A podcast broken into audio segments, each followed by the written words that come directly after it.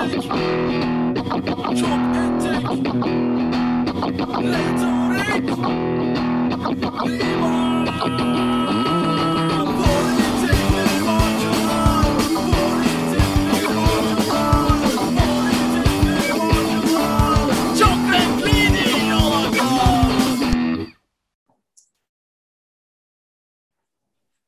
Merhaba aşkıcım. Merhaba canım. Bugün biraz feminizm konuşacağız ama Hadi bakalım.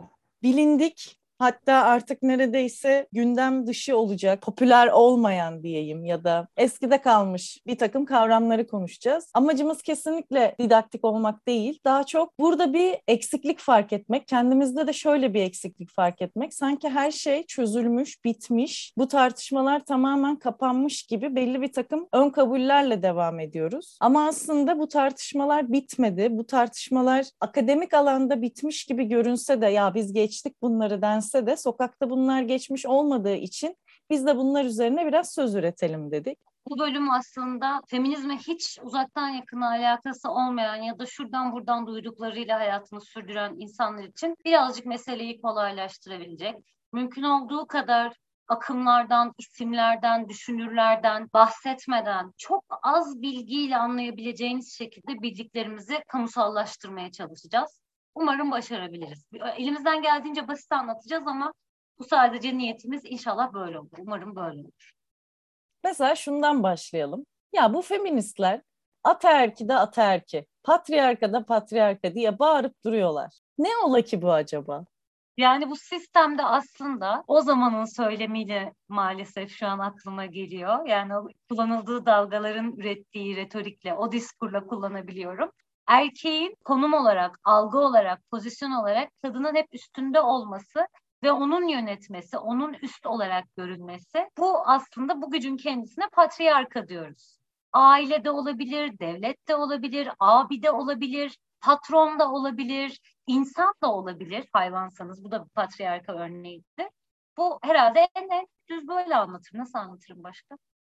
Yani bir yandan da toplumsal dinamikleri ve güç ilişkilerini yalnızca ikili cinsiyet kodu üzerinden değerlendirip iktidarı ve erki sadece erkek olanı aslında atfedip onun karşısında kalan her şeyi de güçsüz addeden sisteme ataerki deniyor gibi de toparlayabiliriz evet. aslında şu ayrımın çok önemliydi bence. Dedin ya güç sahibi olanı ve aslında tahakküm uygulayanı, zorba, zorbalık uygulayanı erkekle eşleştiriyor. Ama sonradan bu biraz değişti ya ilerleyen dönemlerde feminizm yolculuğunda.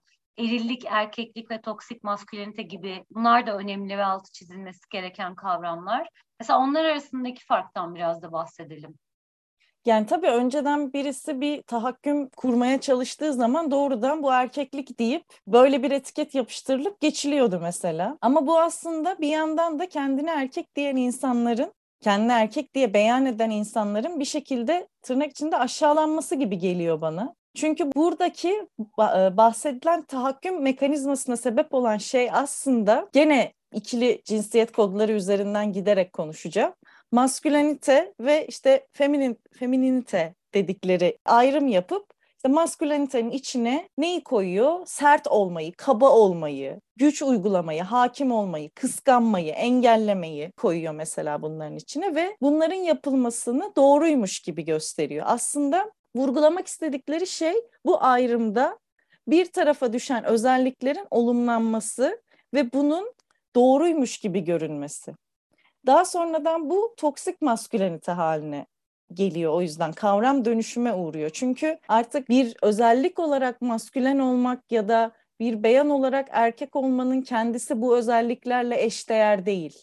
Bunlar aslında bir takım eklentiler ve burada bahsi geçen şey aslında bu eklentilerin sorunsallaştırılması gibi anlıyorum. Yine senin ben. söylediğin bir şeyi sana geri satmak isterim ki hakim olanı tabii ki ötekileştirmemiz mümkün değil. Erkek şu düzende hakim olan, eril demiyorum, bilerek erkek diyorum. Erkek her şeyin sahibi hala dünyada. Dolayısıyla aslında buradaki erkeği erille niteleme sebebi erkeği korumak ve aman aman bütün erkekler de kötü değildir demekten ziyade bunu bu meselenin toksik maskülenite dediğimiz şeyin cinsiyetlerden, cinsel yönelimlerden, bütün her şeyden bağımsız olarak bir kişiden geldiğini ve bu kişinin de eril olarak nitelenmesinin daha doğru bir tarifleme olduğunu ifade etmek biraz dert aslında. Yani erkek kadın şu bu vesaire önemli değil. Ancak oradaki davranışın kendisini toksik olarak nitelemek, zehirli olarak nitelemekten bahsediyoruz. Neden? Çünkü burada hep failin bir imtiyazlı bir konumundan bahsediyoruz. Bunu da çoğunlukla aslında erkek karakter doldurabiliyor bazı örneklerde. Yani toplumsal düzlemde tartıştığımız, çok temelde tartıştığımız şeyle akademik düzlemde tartıştığımız şey elbette ki çok farklı. Dolayısıyla o, o imtiyazlı yerden gelen bir tavır olduğu doğrudur. Şimdi imtiyaz demişken şuna da değineyim. Feministlere karşı şöyle bir karşı çıkış da olmuştu. E ne yani biz erkeğiz diye özür mü dileyelim? Erkek doğduk diye özür mü dileyelim? Aa ben o davranışı yapmıyorum ki ama ben kadınlara hep saygılıyım. İşte ben kadınlar tarafından büyütüldüm gibi şeylerle geldiler. Ama bu demek değildir ki imtiyazını kaybetmek değildir bu. Aksine bence mesele zaten doğrudan özür dilemeye gelmiş olması feminizmin daha ilk dalgadan yanlış anlaşıldığını gösteriyor. Yani mesele şu değil. Sen erkek olduğun için yanlışsın, erkek doğmamalıydın ve herkes kadın doğmalıydı gibi bir şey değil. Buymuş gibi anlatılıyor ama. Böyle değil. Mesele senin bu halde hiçbir şekilde seçmediğin, tamamen içine doğduğun bütün bu şartlardan dolayı bir takım imtiyazların var. Ve aslında talep edilen şey şu, bu imtiyazların farkına var ve daha sonra bunları sadece sakince bir kenara bırak ve hayatına öyle devam et. Hani elindeki silahı sakince yere koy, onu uzağa fırlat, bu kadar. Yani illa bunun için suçlu olmak zorunda değil kimse. İlla bunun için tehlikeli olmaya da gerek yok aslında. Burada bence buna da bir vurgulamak lazım. Yani kimse doğduğu yeri de seçmiyor. Atanmış şeyi de seçmiyor. Atanmış olan hiçbir şeyi seçmiyor daha doğrusu. Ve evet bu yüzden belki özür dilemek zorunda değil kimse.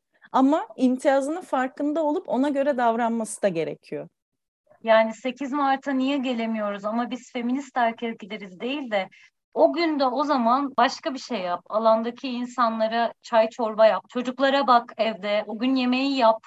Evi temizle. Bir şey yap bacım yani. Hani hala alandan hak talep etmek şeyi vardı. Bir, bir, birkaç sene önce 8 Mart'ta erkekler, feminist erkekler alanın bekçiliğini yapmayı falan teklif etmişlerdi. Ara, alanda insanların üstünü aramayı falan teklif etmişlerdi.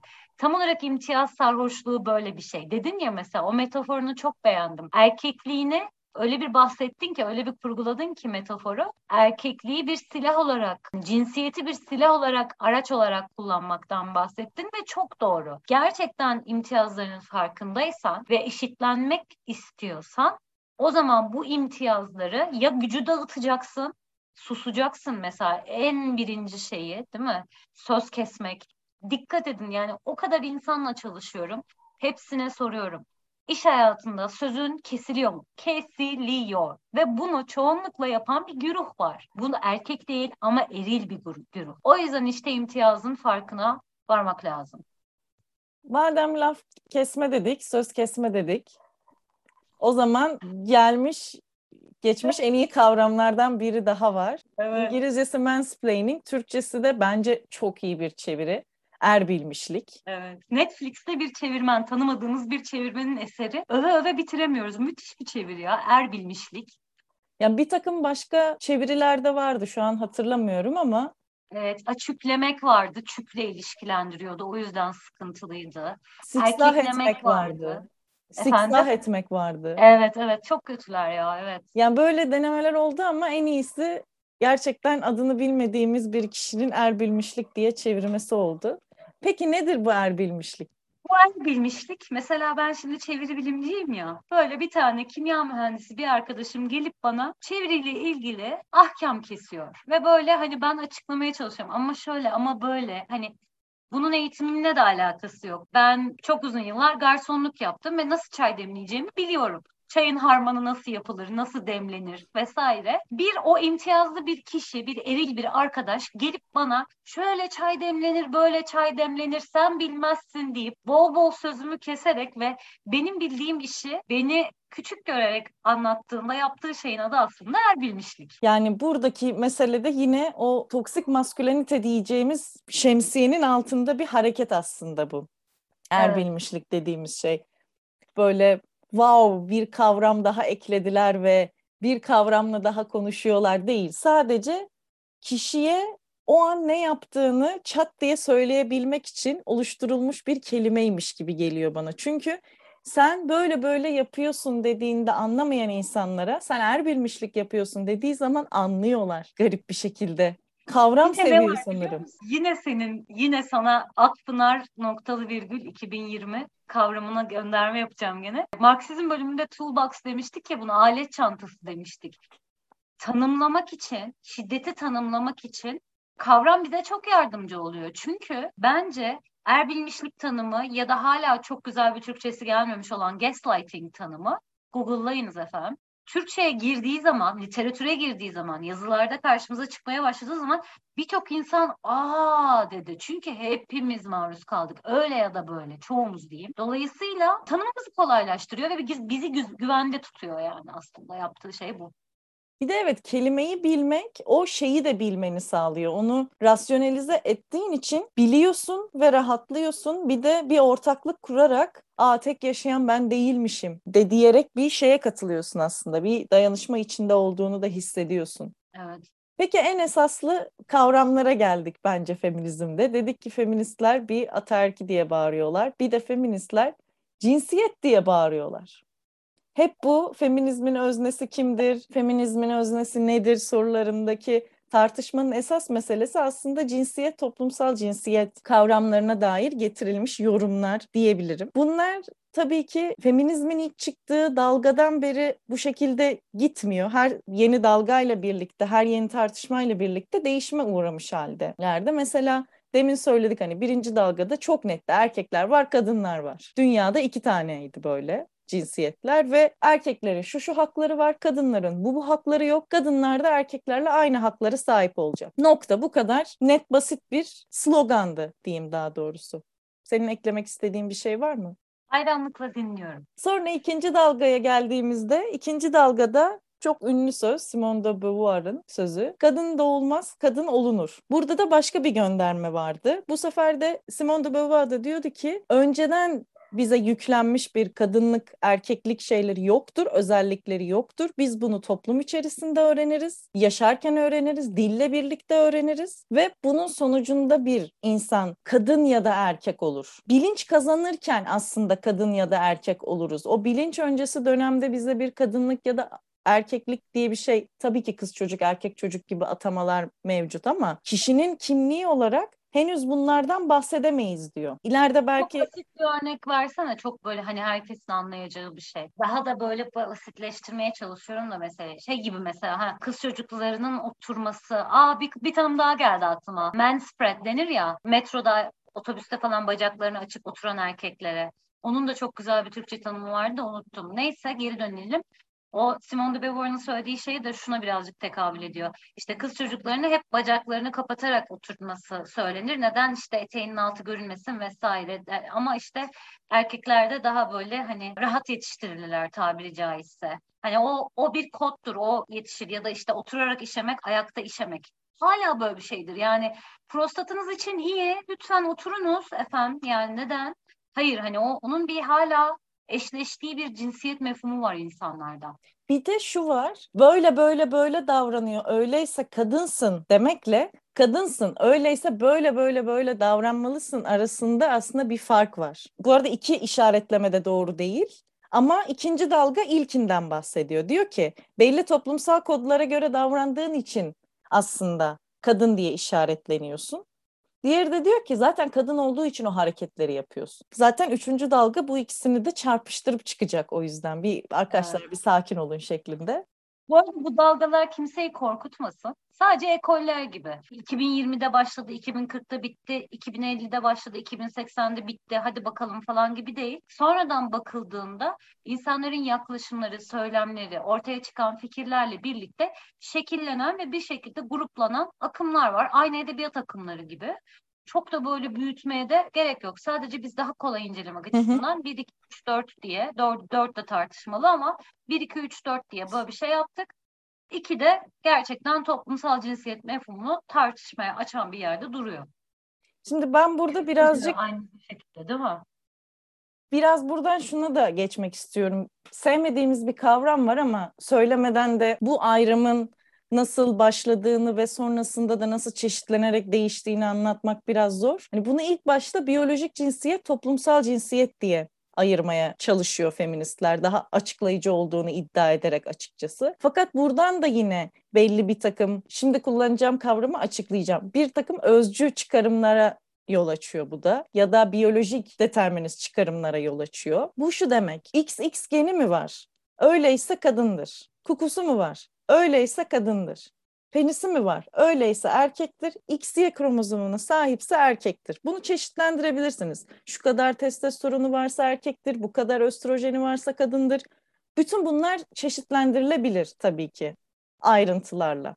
Ama temel olarak biyolojik determinizm dediğimiz şey bir takım biyolojik bilgilere bunu indirgeyerek ona göre cinsiyet tespiti yapmak aslında. Sanırım bu kısa ve öz bir şey oldu değil mi? Çok doğru oldu bence. Ve Yani. toplumsal cinsiyette bu atanan cinsiyete göre davranmasını beklemek. Cinsiyet yani seks ve gender ayrımı, cinsiyet ve toplumsal cinsiyet ayrımı aslında böyle şeyler. Böyle bir ikilikten oluşuyor.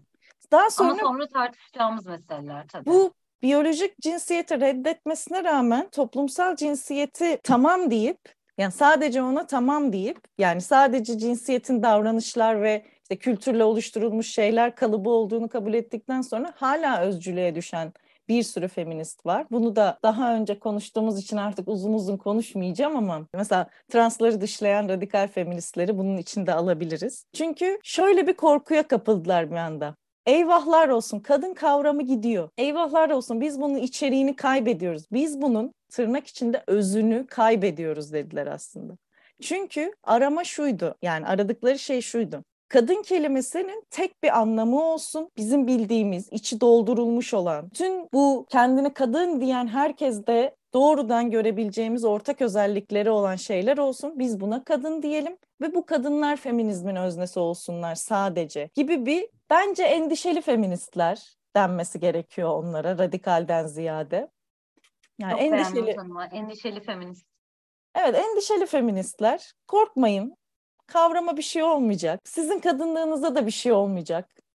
Çok rahat olun. Siz hala kadın demeye devam edeceksiniz. Birileri erkek demeye devam edecek falan filan. Bunlar ortadan kalkmıyor. Korkmayın diye. Neyse bunu daha sonra konuşacağız. Kısacası bu özcüler de bu umarım kavramsal bir şey olmaz ama evrensel açıklamalarda bulunmaya çalışıyorlar diyebilirim kadına dair iddialarda. Artık özcülükten ilerisine gitmiyorum. Bunu daha sonra konuşalım. Çünkü bundan sonrası en derin dalga olacak. Evet. Biraz hukuki boyutuna girmeye çalışalım mı meselenin? Çok da iç karartıcı bir yer. Kısaca birazcık bahsedelim. Hiç bahsetmezsek olmaz çünkü kadın cinayetleri konusunda maalesef hiç iyi bir yerde değiliz. Kadın cinayetleri, trans cinayetleri, eşcinsel cinayetleri yani çok fazla var. Bir tetikleyen uyarısı verelim ilk önce. Elimizden geldiğince grafik sözcükler seçmeden örnekler vermemeye çalışarak konudan bahsedeceğiz. Ancak tabii ki sonuç olarak bir şeyleri anlatmak için de bahsetmemiz gereken intihar gibi, taciz gibi kavramlar var. Kadın cinayetleri gibi kavramlar var. Bunun uyarınını vermek istedik. Peki bu uyarıyı niye verdin? Benim hep kafama takılmıştır. Tetikleyen uyarısı niye veriliyor? Neden oluyor? Çünkü duyacağımız böyle bir haberin kimin üzerinde nasıl bir etki yaratacağı, kimin psikolojisinde nasıl bir sonuç yaratacağını bilemiyoruz. Yalnızca bu travma sonrası stres bozukluğu ya da genel anksiyete gibi problemler yaşayan, güçlükler yaşayan insanlar için değil, genel olarak böyle haberleri duymadan önce kendimizi hazırlamaya ya da rızası olanın buna erişim sağlamasını, rızası olanın buna erişim sağ, sağlıyor olduğundan emin olmamız gerekiyor. Bu yüzden de tetikleyici uyarısı veriyoruz. Teşekkür ederim. Estağfurullah ne demek. İnşallah yeterince basit. Yani hukuki olarak en çok tartışılan kavram ve içi de en çok boşa kavram demeyeyim, içi de en çok boşaltılan şey bence bu kadının beyanı esastır meselesi. Çok rahat bir şekilde ilk önce şunu söyleyelim. Doğrudan kadının beyanı esastır diye geçmiyor hiçbir yerde bir ilke olarak da bir kural olarak da. maruz kalanın ya da hukuki dilde mağdur diye geçiyor. Üzgünüm ama bu şekilde geçiyor. Mağdurun beyanı esastır diye geçiyor mesela. Bunun aslında feminizan bir yorumu diyebiliriz kadının beyanı esastırı. Tabii şöyle bir durum var. Bu ilke şu şekilde anlaşılıyor. Ama siz o zaman bir tek kadının dediğini doğru kabul ediyorsunuz. Diyelim ki artık burada bir ifşa gibi bir süreç işletilecekse böyle bir durumda maruz kalanın ya da maruz kaldığını iddia eden kişi artık bu nasıl daha doğru kurulur bu cümle bilmiyorum ama tabii ki bu kişinin sözü dinlenecek ve bunun üzerinden bir araştırmaya gidilecek. Bu şu demek değildir. Evet bu kişinin dediği her şey doğrudur. Öyleyse gidelim beyanındaki kişiyi öldürelim ya da asalım keselim demek değil. Bu sadece oraya bakmak için bir sebep bulmak aslında. Çünkü içinin bu kadar rahat boşaltıldığı bir ilke sayesinde birçok şey çözüldü. Yani bunun kazanımlarını görmeden doğrudan çok küçük belki bir takım kötüye kullanımları göstererek bu ilkenin içini boşaltılmaya çalış bu içi boşaltılmaya çalışılıyor ve bunun üzerinden feminizm boklamak yapılıyor. Ve aslında tam olarak dediğin gibi sadece meselenin iskeletini tabii ki maruz bırakılan kişinin beyanı üzerinden şekillendiriyoruz. Neden? Önce onu dinliyoruz. Fail olduğu iddia edilen kişi hiç dinlenmiyor mu? Tabii ki dinleniyor. Ancak sadece önce güvende tutulması gereken ve eğer bir maruz bırakılma varsa önce beyan eden kişinin söylediklerini dinleyip bunun üzerinden şekillendirmeye ve buradan gitmeye çalışıyoruz. Bu çok önemli. Çünkü bu bir süreç, bu bir adalet istemi. Zaten bunu genellikle feminist ifşa süreçlerini genellikle mahkemelere başvurmayan insanlar ya da çeşitli devlet kollarıyla bu meseleyi halletmek istemeyen, farklı yollardan adalet istencini gidermek isteyen kişilerin çıktığı, seçtiği bir yol. Ve bu bir süreç bu bir günde tamamlanmıyor. Görüşmeler oluyor, insanlar dinleniyor. Tabii ki burada bir dedektifçilik oynanmıyor. Ancak zaten birçok süreçte gördüğümüz bir şey var. Birisini ifşa etmek aslında bu toksik maskülenitenin düşünce yapısındaki gibi kişiye bir popülerite kazandırmıyor. En basitinden girdiğiniz her yerde. Sen ve ben de böyle şeylere maruz kaldık ve kamusal olmayan ifşalarda da yer almışlığımız vardır. Ve bu süreçte hiçbir zaman bundan bir kar elde etmem mümkün değil. Ya bununla ilgili daha çok strese giriyorsun. Bununla ilgili tetikleniyorsun. Kendini güvende hissetmeye çalışıyorsun. Sürekli insanlara açıklamak zorunda kalıyorsun. Yani çok öyle düşünüldüğü gibi hani kimsenin kar edeceği bir şey değil bu, bu süreç. Çok zor ve yoğun emek isteyen bir süreç ve bu aslında yapılan şey yani ilgi çekmeye çalışıyordur vesairedir, şundandır, bundandır kavramını düşünmek. İlk hem mesela yakın zamanda Mütcan Uygun'un öldürdüğü kadın için aynısını söylediler ya neden onunla birlikteydi? Ya bu değil. Sen senin düşünmen gereken ilk şey bu değil. Yani bu kişinin ne yaptığı iken sen hala düşündüğün şey bu kadının ya da bu kişinin neden bu çocukla birlikte olduğu. Yani aslında şöyle bir iki şeye birden vurgulamış oldum bence. Hem bir bu ilkenin edinilmesi ve kabul ettirilmesi gerçekten çok zorlu bir süreçti. Biz belki yeni bir kuşağız, biz o kadar bunun için mücadele etmiş, özellikle hukuki mücadeleyi vermiş insanlar değiliz belki. Biraz içine doğmuş olmanın bilmişliği de var ama bu ciddi mücadeleler sonucunda edinilmiş bir hak ve bu çok kolay bir şekilde içi boşaltılamaz. Ve diğer söylediğin şey de bunu bu da sen sanırım kelimeyi yani kelime grubunu kullanmak istemedin. Mağdur suçlayıcılık aslında. Evet. Orada maruz kalan kişide suç aramak, onu deşmek aslında bu da. Faile değil de maruz kalana odaklanmak. Biz çok iyi tanıyoruz zaten. İnsanların kıyafetleri o saatte orada ne iş yani ne aradıkları sürekli konuşulduğu için kadın cinayetlerinde ya da genel olarak cins kırım diyeyim artık bunlara belirli cinsiyetlere yönelik soykırımlarda bariz bir şekilde gördüğümüz için içinde bulunduğumuz coğrafyada mağdur suçlayıcılığı bayağı örneğimiz var yani. Hiç Yani bunun- gerek yok herhalde. Ben de şöyle bir inceltilmiş versiyon gireceğim. Bunda üzülecek ne vardı ki? Ne yaptı ki sana? Bu yaptığında üzülecek bir şey yoktu ki. De aslında bir mağdur suçlayıcılık. Arkadaşlar bunu da belirtelim. Nokta. Mesajımı almıştır o. Şuna belki kısaca bahsedebiliriz. Mesela neden kadın cinayeti, kadına şiddet deniyor? Neden neden bu baskın olarak kullanılan şey diye bahsedebiliriz bundan. Şöyle bu kadın cinayeti iki kelimenin bir araya gelmesi de yine bir feminist mücadele sonucunda aslında. Çünkü cinayet denilip geçiliyordu. Kadın öldürüldü falan gibi. Orada esas olarak işleyen bir sistematik duruma işaret edilmesini sağlıyor kadın cinayeti dediğimiz zaman. Böyle bir mücadelenin ürünü olarak kadın cinayeti deniyor. Tabii ki daha sonra şöyle sorular da çıkıyor hani burada kadın dediğimiz zaman kimden bahsediyoruz? Sorusu da uyanıyor tabii ki. Ama hani burada şu anda belli bir kadın tanımı üzerinden gitmiyorum. Kadın cinayeti kelimesinin nasıl oluştuğunu birazcık vermek istedim. Yani daha çok politik ve toplumsal bir konumlandırma bence bu. Buradaki kadın dediğimiz kişi daha önce de bahsettiğimiz gibi hani atanmış cinsiyet ya da ikinci dalganın lafıyla biyolojik cinsiyet üzerinden birine kadın demek ve onun üzerinden bir şey üretmek değil de politik ve toplumsal olarak bundan bahsetmek. Ama zaten ilerleyen zamanlarda bu kadın cinayetleri artık feminizm diyeyim aslında. Feminizmin meselesi trans cinayetleri, eşcinsel cinayetleri, intiharlar hepsini içine almaya başlıyor. Ve bunlar da aslında başlı başına birer mücadele. Hem feminizmin genişleyip bu kavramları içerisine alması hem de bu kavramların da kazanılarak artık cinayetlerin görünür kılınması çok büyük bir kazanım. Mesela ben trans cinayeti denmesini aslında çok önemli buluyorum. Belki bazı insanlar ayrımcı görüyor olabilir. Hani niye kadın cinayet değil, niye trans cinayeti olarak ama ben oradaki şu vurguyu, şu vurgu benim hoşuma gidiyor. Orada bir transfobi kaynaklı bir şey olduğu için bu kişi öldürüldü. Bunu üstüne basmak gerekiyor. Ya da şimdi tetikleyen uyarısını niye verdiğini anladığım cümlemi edeceğim.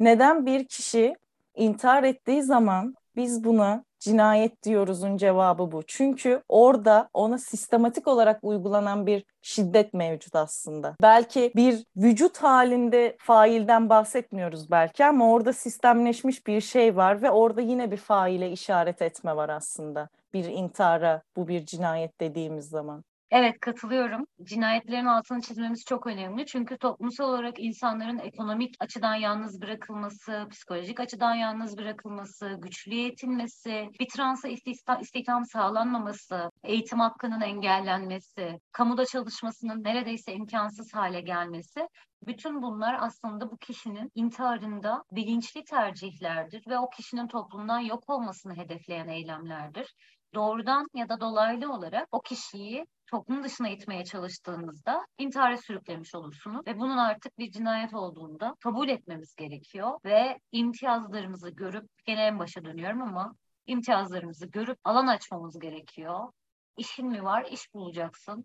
İmkanın mı var? Ona göre ne gücün varsa bu gücü dağıtmak ve gerçekten ah vah demektense, post paylaşmaktansa, gökkuşaklı bira içmektense böyle şeyler yapıp eşitlenmek için bir tuğla koyman lazım. Bence son noktayı koydun ya. Yani. İnşallah. İnşallah aşkocum. O zaman gidelim mi biz? Belki bence bir, bir hafta daha yapar mıyız Azal Bence bir hafta daha yapalım. İnşallah. Tamam. Öpüyorum seni. Ben de seni öpüyorum.